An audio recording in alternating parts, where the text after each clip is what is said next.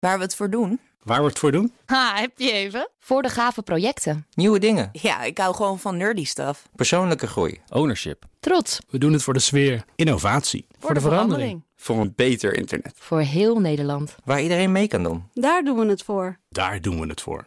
Waar doe jij het voor? Kom werken voor KPN en groei op jouw manier. Check de actuele vacatures op het gebied van data, security, development en networking op jobs.kpn.com/tech. BNR Digitaal wordt mede mogelijk gemaakt door SecureLink. SecureLink, part of Orange Cyber Defense. BNR Nieuwsradio. Digitaal. Herbert Blankenstein. Door het recente Citrix beveiligingslek en de ransom-aanvallen, ransomware-aanvallen nog niet zo lang geleden op onder andere Universiteit Maastricht en GWK Travelex, leidt ook de discussie op over het verplicht maken van onmiddellijke beveiligingsupdates. Dat lijkt op het eerste gezicht goed voor de beveiliging, maar het zomaar uitvoeren van updates kan ook riskant zijn. Gaan we het over hebben in BNR Digitaal met Bert Hubert van PowerDNS, welkom. Michiel Steltman van de Stichting Digitale Infrastructuur Nederland, ook welkom. En Ricky Gevers van Bitdefender, hoi. Hoi, goedemiddag. Laten we het eerst even hebben over hoe het allemaal zo gekomen is, Ricky. Ehm, in december kwam uh, Citrix met een bekendmaking. Ja, ze kwamen met een bulletin, een zogenaamd bulletin, waarin ze informatie vertelden over een lek dat er op dat moment was. En het dingetje wat Citrix deze keer anders heeft gedaan dan wat meeste softwarevendoren normaliter doen, is dat ze tegelijkertijd met die publicatie hebben verteld hoe je het kan mitigeren. Dus ze hebben een uitleg gegeven hoe je dit lek tegen kan houden. Het vervelende is alleen dat ze op dat moment nog geen patch hadden. En dat is eigenlijk wat er hier fout gegaan is. Normaliter brengt een bedrijf een patch uit. Dan ziet een hacker dat er een patch uitkomt, die kan zien waar dat lek zit. Dan heeft hij de tijd om een exploit te schrijven. En op het moment dat hij die exploit heeft geschreven, kan hij op zoek gaan naar mensen die nog niet geüpdate hebben en die computers op overnemen. Maar wat Citrix dus, Citrix dus hier verzorgd heeft, is dat ze details over dat lek uh, op datum 17 december hebben bekendgemaakt. Waardoor hackers direct al aan de slag zijn gegaan met het zoeken naar die exploit. Ja. Die hebben ze na drie weken, vier weken gevonden. En op dat moment had Citrix dus nog geen patch klaarstaan. Niet echt, wel een mitigeren. Ja, ja, mitigeren, maar dat, van de dat is geen patch. of zo. Nee, Systeembeheerders zien dat niet als patch. Systeembeheerders gaan wachten totdat er een officiële update uitkomt. En ze die uh, netjes installeren. Dit was een mitigerend iets. Allemaal scripts die je moest runnen. Dat doen de meeste mensen doen dat gewoon niet. Dus wat Citrix feitelijk heeft gedaan is... die hebben de hackers een maand voorsprong gegeven... op hoe het normaliter Daar- gaat. Dus daarmee hebben ze in feite het probleem veroorzaakt. Ja, vergroot in ieder geval. Ja, en eh, dat betekent, eh, nou goed, de, de, de hackers hebben, eh, hebben hun exploit kunnen schrijven enzovoort. Ehm, wat eh, betekent dat voor de systemen die niet op tijd gepatcht waren? Die zijn nu dus voor de bijl gegaan, moet je het zo zien? Ja, nou, wat we zien is dat op 7 januari is die exploit echt publiek beschikbaar geworden. Dus toen kon iedereen die een beetje handig op internet hey, de- is... Ja. Ze hebben het voor elkaar. Ja, je ziet eh, dat mensen hebben gepraat over dat lek. Eh, dat is vervolgens online verschenen ook. Dus iedereen kon het downloaden, iedereen kon het gebruiken. En op 8 januari zie je dan, als je kijkt naar het internetverkeer, zie je ook echt een piek dat allerlei mensen op dat moment Citrix servers aan het overnemen zijn. En je kan er dus op dit moment echt van uitgaan dat als jouw Citrix systeem niet gepatcht is of die mitigatie niet geïnstalleerd is en op 8 januari was jouw systeem online, dan is hij gewoon gehackt.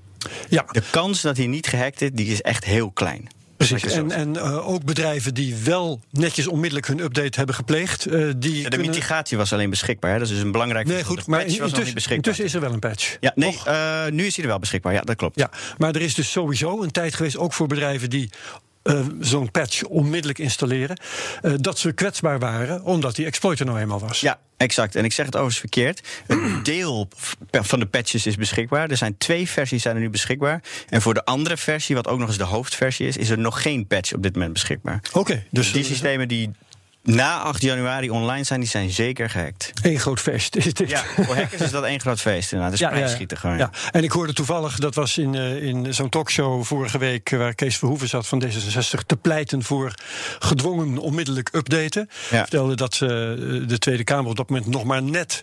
zijn Citrix-zaken offline had gehaald. Eh, Ja. Dus de, de servers van de Tweede Kamer zijn nu ook... Moet je Ik weet niet welke veronderstellen. datum het exact was, weet je dat? Oké, dus, nou, dat, was, dat was op vrijdag. Ja, op 7 januari moet je echt wel gaan onderzoeken. En op 8 januari kan je er echt wel vanuit gaan dat die overgenomen is. Ja, dat is ongeveer de tijdsframe waarin het echt eh, wereldwijd bekend werd. Ja, als dat dan inderdaad zo gegaan is, dan is de, tweede, de servers van de Tweede- Kamer zijn dan in ja, feite... daar is in ieder geval iemand op bezoek geweest. En het leuke om misschien erbij te vertellen is dat zo'n hacker weet dat. Hè, dat als je zo'n zero day hebt, dus waar nog niet die patch voor beschikbaar is, dan weet je dat als je dat systeem overneemt, dat er een uur later een volgende hacker bij komt. Dus wat ze dan vaak gaan doen, is zo'n systeem zelf patchen en een backdoor installeren, zodat ze zelf nog altijd toegang hebben. Dus je moet hopen dat een goede hacker in feite langsgekomen is. En nou, dan heb je mazzel. Maar het kan ook zomaar zijn, en eh, dat lijkt me veel waarschijnlijker. eh, landen bijvoorbeeld, hè, die hebben al lang al geïndexeerd waar de Citrix-servers van interessante targets zitten. Dus die wachten tot dat moment en die slaan in één keer eh, met een gerichtschot in feite toe bij een Tweede Kamer, mochten ze daar geïnteresseerd in zijn. En die zorgen natuurlijk wel op een andere manier dat ze daar binnen blijven. Ja, en bij een Tweede Kamer of welk bedrijf dan ook in Nederland of waar dan ook. Ehm, moet je, kun je eh, erachter komen of daar nou iemand ten gevolge van het Citrix-lek eh, feest zit te vieren? Ja, eh, als je na die datum dus je systeem online hebt gehad, dan moet je gewoon forensisch onderzoek gaan doen. En je weet precies hoe die jongens binnenkomen, dus daar kan je logging gaan bekijken. Overigens moet ik er wel bij zetten, als je een firewall voor die Citrix-omgeving hebt, dan kan het nog steeds zo zijn dat die firewall die je hacks heeft tegengehouden hoor. Dat kan. Ehm, maar je, je moet in ieder geval forensisch onderzoek op dat systeem gaan doen om te kijken wat er precies gebeurd is. Ja, oké. En dat kan heel veel tijd kosten, heel veel geld kosten. En Maar het moet wel gebeuren. ja, dat moet absoluut gebeuren. Oké, nou dan gaan we het nu over eh, dat update hebben. Ehm Bert Hubert bijvoorbeeld. Eh, hebben bedrijven, organisaties over het algemeen dat updatebeleid een beetje op orde? Niet speciaal in dit geval, maar in het algemeen? Eh, nee, op dit moment niet. En ehm, dat kan je eigenlijk ook wel een beetje zelf ervaren. Als je in veel bedrijven werkt en je gebruikt zelf de eigen computersystemen van je werkgever, dan merk je ook vaak dat die ook niet helemaal zo goed werken als ze zouden moeten werken. Dus eh, je komt s binnen, je zet je computer aan, hij is een kwartier bezig met opstarten. Ehm, IT-organisaties. Mhm. Is dat te vermijden dan? Ja, dat is goed te vermijden als je weet wat je aan het doen bent als IT-organisatie. Als je goed in controle bent, dan durf jij updates makkelijk te installeren. Want je weet, ik weet wat mijn computers staan te doen, ik weet hoe ze werken. Dus ik ben niet bang eh, van een reboot. Ik ben niet bang van een patch, eh, ik ben niet bang van nieuwe software. Dat kan ik, kan ik aan. Maar heel veel bedrijven hebben hun zaken maar net voor elkaar. Dus eindelijk werkt het. Dus eindelijk kan je de urentool Nergens aankomen. Ja, nergens. nou, Letterlijk, dat is precies wat het is. Dus eindelijk werkt de urentool weer. Je kan je uren weer invullen. En we weten niet eens precies hoe we dat voor elkaar hebben gekregen. We hebben net zo lang geklikt tot hij het weer deed. En dan komt er iemand langs en die zegt van... joh, je moet deze update gaan installeren. En dan gaat zijn afdeling keihard zijn best doen om uit te leggen dat die update niet op hun van toepassing is. En dat het echt niet hoeft. Want ze hebben niet eens zin om de server opnieuw op te starten. Ja, ehm, dit echoot wat ik, wat ik ehm, van de week merkte op sociale media. Want ik had zelf getwitterd eh, naar aanleiding van dat optreden van Kees Verhoeven bij uh, Jinek. dat volgens mij het onmiddellijk invoeren van updates best wel riskant was. Dat is namelijk wat ik hoor. Gevolg van mijn tweet was allerlei reacties die elkaar allemaal tegenspraken. Jij was er zelf trouwens ook bij, Bert. Ehm, waarvan de een zei, Herbert heeft gelijk... en de ander zei, wat een onzin, gewoon updaten. Ja. Nou, laat ik daar, één, één- laat ik daar één ding over zeggen. Kijk, een update brengt risico met zich mee. Hè, het is zomaar Toch mogelijk. wel, want net hoorde ik je zeggen... als je je boeltje maar goed voor elkaar hebt, dan kan Dan het. kan je omgaan met het risico. Dus om Oh. een voorbeeld te noemen. Oké. Stel je voor, er is een, eh, een lek ontdekt waarmee Internet Explorer per ongeluk wachtwoorden deelt tussen twee websites waartussen ze niet gedeeld moeten worden. Hè? En de beveiligingsupdate is dat dat wordt gestopt. Mhm. Dus je wachtwoord wordt niet automatisch meer ingevuld op website B, wat eigenlijk het wachtwoord kwam van website A. Nou, dit is gebeurd overigens. Wat blijkt nou misschien? Jouw eigen urentool of jouw eigen belangrijke tool voor jouw bedrijf maakte gewoon gebruik van dat lek. Dus de single sign-on was geïmplementeerd op het feit dat Internet Explorer wel die wachtwoorden ging. Met opzet gebruik maken van een lek om je business te laten werken? Ja, nou, de developer die heeft dat zitten maken en die merkt ineens van: hé, hey, verrek, de tool werkt al. Niks meer aan doen. Handig, niks meer aan doen, hij is af. En ineens eh, wordt er een patch uitgerold en werkt jouw site, die de beste bedoelingen had, werkt ineens niet meer, want die bleek stiekem een soort gebruik te maken van een beveiligingsgat. Nou, dit gebeurt bijvoorbeeld met de Google Chrome updates de hele tijd. Want Google Chrome draait de duimschroeven van dit soort controles steeds verder aan. Dus om de haverklap gaan eh, langzame enterprise applicaties hieraan eh, ten onder. Want die bleken gebruik te maken van allerlei slordigheidjes. Ja. Dus er is wel degelijk een risico. Maar een organisatie die in control is, die kan dan zeggen: Oké, we hebben geïnstalleerd, we zien wat er nu mis is. Eh, daar werken we wel weer omheen. Ja. Michiel Steltman, eh, ben jij het hiermee eens in de eerste plaats? Ja, hier ben ik het hardgrondig mee eens. Kijk, op het Zorg moment dat mensen gaan roepen bent. van je moet patchen verplichten, dan denk ik van ja, sorry jongens, maar dan begrijp je de complexiteit van het hele fenomeen patchen niet. Nou, dat is toch wel wat Bert op Twitter tegen mij zei. Nou, het, eh, je ziet uh, de grootste, knikt, ja. een van de grootste oorzaken van, uh, van nieuwe security problemen is ook changes, waaronder onder andere patches. Hè. Met een nieuwe patch onder, introduceer je ongetwijfeld meer nieuwe problemen. Anders hadden we op een zeker moment hadden we nul problemen, want we patchen ons al jaren het Lazarus. En dus op, op zich geeft het beschikbaarheidsproblemen, hè, die bij veel organisaties nog steeds zwaarder wegen dan veiligheidsproblemen. Hè, dus als de, als de boel het niet doet, dan kost het geld. En dat gaat toch echt wel boven een, een potentieel risico's en zijn we wel kwetsbaar. Um, nou, Michel van Eten, wetenschap, die, heeft daar, die zegt daar heel goede dingen over. Hè? Dus die, uh, ja, die beschrijft dat feilloos. Dat het proces. Um, uh, en natuurlijk moet de intentie zijn. En, en iedere fatsoenlijk bedrijf wat cybersecurity beleid heeft, heeft uiteraard patchen in zijn policies. En heeft uiteraard procedures en patches voor changes. Maar de, de volwassenheid van organisaties om er goed mee om te gaan, daar geef ik Bert volkomen gelijk in. Die is natuurlijk enorm verschillend. Hè? Je kunt niet alle bedrijven over een kam scheren. Nee. Een bedrijf uh, dat een patch uh, om elkaar, zeg maar, een bedrijf wat, wat een patch over het hoofd ziet. Hè. Uh, het kan ook zijn dat die machine ergens in een hoekje stond, uh, die niet in de asset database is terechtgekomen, die CVE komt uit.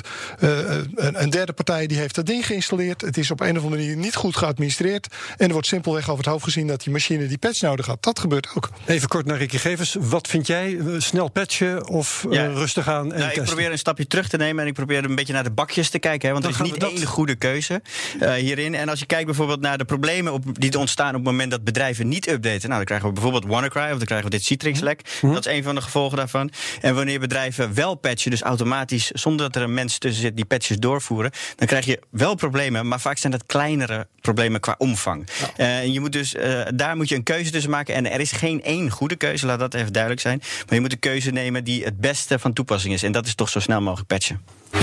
Digitaal. Oké, we hebben het dus over uh, updates, over patchen. Afgelopen vrijdag uh, kwam dat allemaal uh, ter sprake bij Jinek. het ging verder op Twitter en nu staan we hier. Um, ik hoorde jou zeggen, Bert Hubert, als je maar in control bent, dan durf je snel te patchen. En de, wat er dan nog gebeurt, dat zie je dan wel weer verder. De vraag wordt voor mij dan dus, hoe zorg je en hoe weet je dat je in control bent? Ja, nou, dat is een, hele heftige. En dat is een in, iedere organisatie permanent over na moet denken.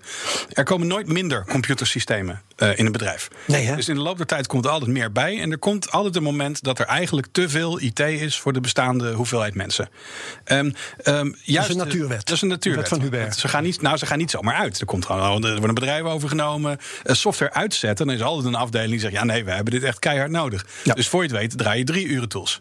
Uh, ik denk dat dat een vrij goed gemiddelde is trouwens. Oké, okay. en um, verder. Dan uiteindelijk komt er een moment dat we zeggen... ja, we hebben eigenlijk te veel spullen... Die, die we eigenlijk niet allemaal meer goed onder controle hebben. En inmiddels hebben we het uh, gevirtualiseerd... en het draait op een oude database. En er komt een moment dat iemand dan moet zeggen... joh, ja, we houden het maar net in de lucht. We zijn aan het, aan het, aan het hozen om het gaande te houden. En dan komt er ook nog eens een keer iemand voorbij die zegt: joh, je moet al deze patches gaan installeren. Dat komt elke organisatie vroeg of laat tegen. Zeg ja, jij. dat moment gaat vanzelf. En um, waarbij je eigenlijk dus heel kritisch moet kijken. Zeg, joh, als ik een bepaalde hoeveelheid capaciteit heb, um, dan moet ik niet al te veel software installeren. En misschien moet ik dan soms maar eens een keer oude spullen die ik nog heb staan, die nu tijd kosten, misschien moet ik die maar gaan uitfaseren. En misschien moet ik die maar niet meer doen. Ja, maar hoe hanteer je dan die afdeling die zegt: maar dat hebben wij toch echt nodig? Ja, dat is een hele goede. Ik denk dat ieder bedrijf maakt de hele dag keuzes. Um, er zijn tegenwoordig wel alternatieven. Je kan bijvoorbeeld zeggen, joh, we hebben die uh, klantcontact tool uh, uit, uit 2004 nog draaien. Um, maar die is eigenlijk niet meer heel kritisch voor onze bedrijfsvoering. We snappen wel dat zoiets moet blijven. En we, hebben, we verhuizen dit naar de cloud. Wij vinden een service provider die dit voor ons doet. En we gaan dit niet meer, niet meer onze core business. Gaat niet meer op onze systemen draaien. En hoeven hem ook niet meer te patchen. dat is een goede uitweg om te zeggen van ja, we doen het nog wel. Althans, we blijven dit nog wel voorzien voor deze afdeling. Alleen niet meer op onze server. Want wij hebben gewoon de mankracht niet om uh, daar goed in controle over te zijn. Want ja, het is ook, dus nogmaals, stel voor dat een nieuw systeem met nieuwe software, dat die een probleem heeft. Goede kans dat de leverancier op de hoogte is, dat veel mensen weten hoe die software werkt. Je kan consultants vinden die veel weten van die software. Dus als jouw patch een probleem heeft opgeleverd, is er een kans dat je dat snel kan oplossen. Als jij een patch installeert die jouw boekhoudtool uit 2004 omvergooit, dan mag je hopen dat de ontwikkelaar nog leeft. Ja. Dus dan wordt het een veel groter probleem. Ja. Het is overigens ook interessant. Hebben die Netscaler die draait nog op een BSD, free BSD-versie uit het jaar Kruik. Dus je zal als leverancier moet je dan ook weer al die oude kennis, allemaal oude half-lekker libraries moet je gebruiken om die patch weer te maken. Dus ook de leveranciers laten het een beetje hangen. Hè. Soms denken, nou, dat kastje is mooi klaar, weet je wel. Uh, dat kan wel een tijdje mee, af en toe een patch. Maar Michiel, jij zegt dus in feite op grond van dezelfde achtergrond als, als Bert, namelijk uh, je moet in control zijn enzovoort. Zeg jij juist, je moet niet direct patchen, maar. Uh, nee, dat zeg ik niet. Je moet het niet verplichten. Hè. Dus mijn uh, zoiets van ja. oproep, want dat is een, een te specifieke maatregel. Daar zeg ik, moet bestuur, politiek zich helemaal niet mee bemoeien. Okay. Maar wat je wel moet gaan toetsen, is in een organisatie voldoende in controle. Daar ben ik het hardgrondig met Bert eens. Want daar gaat het over. En ik denk dat we snel moeten naar een systeem wat we kennen van de financiële jaarrekeningen. Daar vinden we ook, ben je financieel in controle. Als het om centen gaat, dan hebben we het hele circus buitengewoon goed opgetuigd. En met accountants en jaarrekeningen en verantwoording. En iedereen vaart blind op dat soort verklaringen. Ja, en die moeten er uh, voor, uh, voor IT ook komen. Ja. Een auditor moet gaan bepalen, moet het uh, securitybeleid niet alleen toetsen, zoals met een ISO. En moet je dat moet dan ook op effectiviteit gaan ja, beoordelen. Moet je dat dus dan formaliseren? Want en dat moet je formaliseren. En dus die verplichting heb jij een dienst die je maatschappelijk, hè, dan leg ik even het bruggetje naar maatschappelijke relevantie. Is het kritiek of zorg of is het AVG of onder de WBNI? Hè, hebben we er een maatschappelijk belang bij dat het goed is? Ja, dan zal zo'n bedrijf extern moeten laten toetsen op basis van openbare uh, gestandardiseerde normen.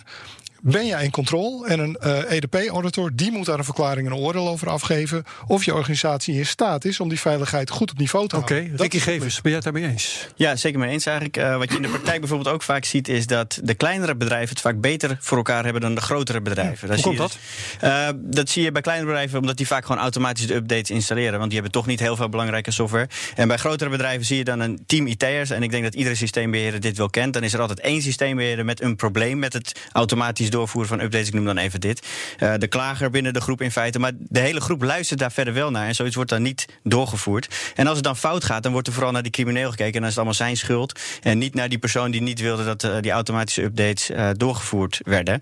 Um, Waar ik zelf heel erg voor pleit, is dat je eigenlijk de mens in die keten moet proberen weg te krijgen. En dan krijg je vooral ja, ook dat de Dat klinkt toch ook naar automatisch, hè? Ja, ja automatisch inderdaad. En dat klinkt dus, of dat ligt dan vooral inderdaad bij de softwareleverancier. En ik heb. Ik, vind het ook niet zo heel fijn als er dan ergens wordt gezegd dat je iets moet gaan verplichten. Dan gaat het een beetje jeuken, dan moet je ook gaan handhaven. Ik denk dat dat niet de route is om dit goed te krijgen. Overigens zie je dat veel software, moderne softwarebedrijven hier ook al behoorlijk op focussen. Hè. Uh, Google Chrome bijvoorbeeld, die update ook al automatisch zonder dat je daar bijna iets voor hoeft te doen. Vooral de oudere bedrijven, ja. daar gaat het allemaal nog wat Wordt particulier ook altijd, dat weet ik dan als particulier. Uh, iedereen zegt van kruis in godsnaam overal aan dat het automatisch update. Ja. Firefox, Windows, noem maar op. Ja, dat werkt gewoon het beste. Ja. En om terug te gaan naar het voorbeeld van waarom kleinere bedrijven dan vaak beter hebben, omdat die dus alles automatisch doen. En bij een groot bedrijf zie je dan vaak dat er ergens een wezenserver tussen zit die alles, alle updates blokkeert verder. En ja, hackers maken daar met alle liefde gebruik van. Digitaal. Goed. Nou ja, als je dan snel effectief wilt updaten, dan moet je zeker weten dat uh, bedrijven ook op de hoogte zijn van bestaande lekken, van de beschikbare updates en zo, voor zover dat dat niet automatisch kan. Uh, Bert Hubert, die informatievoorziening van softwaremakers aan hun klanten, hoe is die nu geregeld? Nou, daar wordt wel kritisch naar gekeken. Um, als je een update goed geïnstalleerd wil krijgen, moet je een bedrijf. één, moet die weten dat die bestaat. Nou, dat is goed te automatiseren. Maar twee, er moet ook een goed gevoel zijn bij de uh, gebruiker van die software. Van joh, jullie weten waar jullie het over hebben. Ik snap wat deze update gaat doen. En ik heb een gevoel van hoe belangrijk die is. Nou. Um, er zijn updates die worden geïnstalleerd. Uh, Microsoft heeft een tijdje geleden gedaan met als beschrijving dubbele punt Microsoft Update. dan zit de systeembeheerder ook. Ik weet niet wat dit gaat doen. Nee. Ik heb geen idee. En dan is er natuurlijk meer weerstand om zo'n patch te installeren. Tegelijkertijd, als je ziet wat Citrix heeft gedaan, door veel te duidelijk uit te leggen wat er aan de hand was, uh, konden alle hackers in de wereld alvast een goede vliegende start maken. Ja. Maar um, als je nou wil, en wij, wij met ons eigen bedrijf, kijk, wij leveren software aan, aan de KPN's en de Vodafones, de T-Mobiles van deze wereld. En die heeft ook beveiligingsupdates. Nou, wij zijn klein genoeg dat wij al onze klanten persoonlijk kennen. Want zoveel Vodafones en KPN's zijn er niet op deze wereld. Dat is op zichzelf al een voordeel. Dus die kan ik bellen en kan ja. ik zeggen: joh, kunnen jullie alsjeblieft deze update installeren? Want het is toch echt ja. wel een goed idee. Dus niet alleen kleine klanten zijn in het voordeel, want die laten alles automatisch doen. Maar uh, kleine leveranciers zijn ook in het voordeel, want die kunnen hun klanten gewoon eventjes bellen. Ik, ik kan nog en ik, ik kan mijn klanten gewoon gaan stalken. En zeggen veel, Ja. ga dat nou eens doen. Is het al gebeurd? Maar het kost Doe je dat ook? ons, ja, dat doen wij ook heel actief. Maar het kost ons ook al moeite. Want ook grote telefoonbedrijven. Kijk, als onze software plat gaat, gaat het hele telefoonbedrijf plat. Dus het is bijna altijd kritisch als wij een update hebben. Mhm. Ook wij moeten door de Change Advisory Board heen. En de Change Advisory Board doet zijn vergadering op vrijdag. En als jij je wijziging er die vrijdag niet doorheen hebt gekregen, dan maak je volgende vrijdag weer een kans. En dus niet alleen het weekend is dan uitstel, maar de hele week. Dat is een hele week. En, dan krijg je, en misschien word je het die week dan ook weer niet. En ehm, nou ja, wij besteden daar persoonlijk veel aandacht aan om dat uit te leggen. Je moet het echt gaan doen. Ehm, maar dat, dat vergt heel veel moeite. Want er is bijna, zolang er niet fysiek vuur uit de servers schiet, kan je altijd net doen alsof er niks aan de hand is. Er moet rook uitkomen. Ricky, hoe kijk jij er tegenaan als beveiliger? Als beveiliger zit jij een beetje tussen die klant en die leverancier in, of niet? Eh, bedoel je vanuit hackersperspectief? Of, eh, Nee, vanuit beveiligersperspectief. Jij, jij bent eh, betrokken bij het beveiligen van bedrijven. ja, je wordt ja. ingeschakeld als het mis is. Hopelijk ook een keer voordat het misgaat. Ja. Dus hoe zit jij in dat spel van wel en niet updaten? Ja, wij zien dus altijd dat de tijd het allerbelangrijkste is. En die tijd tussen het updaten, of het uitbrengen van de update en het daadwerkelijk uitvoeren van die update, die is het allerbelangrijkste. En dat, dit, dit hele spel speelt zich af binnen dat tijdsframe. Dus hoe meer tijd je hebt, hoe meer kans op ellende je ook hebt. Dus die moet je gewoon altijd zo klein mogelijk houden. En dat in mijn optiek kan dat alleen maar door dat te automatiseren. Want de praktijk is gewoon inderdaad dat er vergaderd moet worden en vergaderd en vergaderd. En dan zie je soms, ah jongens, eh, we zetten het even op pauze, want we weten nog niet zeker welke beslissing we gaan maken. Dan krijg je een uitzondering op de regel, dan wordt het vergeten, dan wordt het überhaupt niet meer doorgevoerd. Dat is de praktijk eh, die je ziet. Dus in theorie kan je perfect met mensen en regeltjes dat goed voor elkaar krijgen. De praktijk is dat mensen overal daar foutjes maken en het laten zitten. Ja, Michiel Steltman, jij pleit net voor ehm, een, een geformaliseerde procedure om te controleren of je als bedrijf in control bent. Ja. Hoe breng je zoiets tot stand? Moet dat via wetgeving of is er een andere manier? Nou, die, die route die wordt al volop ingezet eh, als sector. We zijn volop in gesprek eh, met, eh, met EZ, EZK neemt hier al de, het, voortouw in. Europese regelgeving, de Cybersecurity Act, ENISA zit op deze route. Het agentschap Telecom gaat de ENISA-beleid uitvoeren. En die zitten exact op deze route. Je moet niet te veel naar de details kijken. Je moet het bedrijf ruimte geven om zijn security-beleid te laten invullen. Maar je moet wel bewijzen dat jouw beleid effectief is. Dus zij zitten op de route dat eh zogenaamde assurance Er is een stapje hoger dan wat we met de ISO doen. Van een, eh, dat is een certificaat. Nou, op 31 december eh, was ik in controle. Maar ISAE-achtige verklaringen voor kritieke diensten. die kijken veel meer naar. ben ik zes maanden of een jaar in controle geweest? Laat het bewijs maar zien dat het werkt. Hè. Dus een auditor gaat beoordelen. hoe dit soort besluiten zijn genomen. En of niet onterecht veiligheid, het verloor van beschikbaarheid, noem maar op. Hè, dus dat zijn die beweging wordt nu volop ingezet. En dat is denk ik de goede route om te kiezen dat je bedrijf dwingt om het beleid toetsbaar, uitlegbaar te maken. Hè, want dan weten de stakeholders aan buiten kunnen ook op die verklaringen veel meer leunen. Geef je bedrijf toch de ruimte om het Change Advisory Board om, hè, om dingen te automatiseren of niet met de hand te doen. Je geeft ze wat meer ruimte. Hele korte reactie van Bert. Heel kort, eh, kijk, je ziet het nu al. Als je kijkt naar de AVG en de GDPR, die zeggen dat je passende maatregelen getroffen moet hebben. Dat staat er al. Eh, een hele simpele maatregel kan zijn, dat heet dan een recital. Dat men zegt van joh, als jij je patches niet hebt geïnstalleerd, dan heb je geen passende maatregelen getroffen en krijg je een dikke boete als het misging. Oké, daar moeten we bij laten. De consensus is hier toch wel dat je zo snel mogelijk en liefst automatisch moet updaten. En dat je moet bewijzen dat je in controle bent. Dank Bert Hubert van Power DNS, Michiel Steltman van de Stichting Digitale Infrastructuur Nederland en Ricky Gevers van Bitdefender. BNR Digitaal kun je terugluisteren via bnr.nl, onze app, of waar je ook maar naar je podcast luistert. Daar vind je ook mijn andere podcast, De Technoloog bijvoorbeeld, en de Cryptocast. Heel graag tot volgende week in BNR Digitaal. BNR Digitaal wordt mede mogelijk gemaakt door SecureLink. SecureLink, part of Orange Cyber Defense. Ook Hugo Reitsma vind je in de BNR-app. Superhandig die BNR-app. Je kunt alle programma's live luisteren, breaking nieuwsmeldingen. Je blijft op de hoogte van het laatste zakelijke nieuws. En je vindt er alle BNR-podcasts, waaronder natuurlijk de belangrijkste, Boeken zijn in de wijk. Download nu de gratis BNR-app en blijf scherp.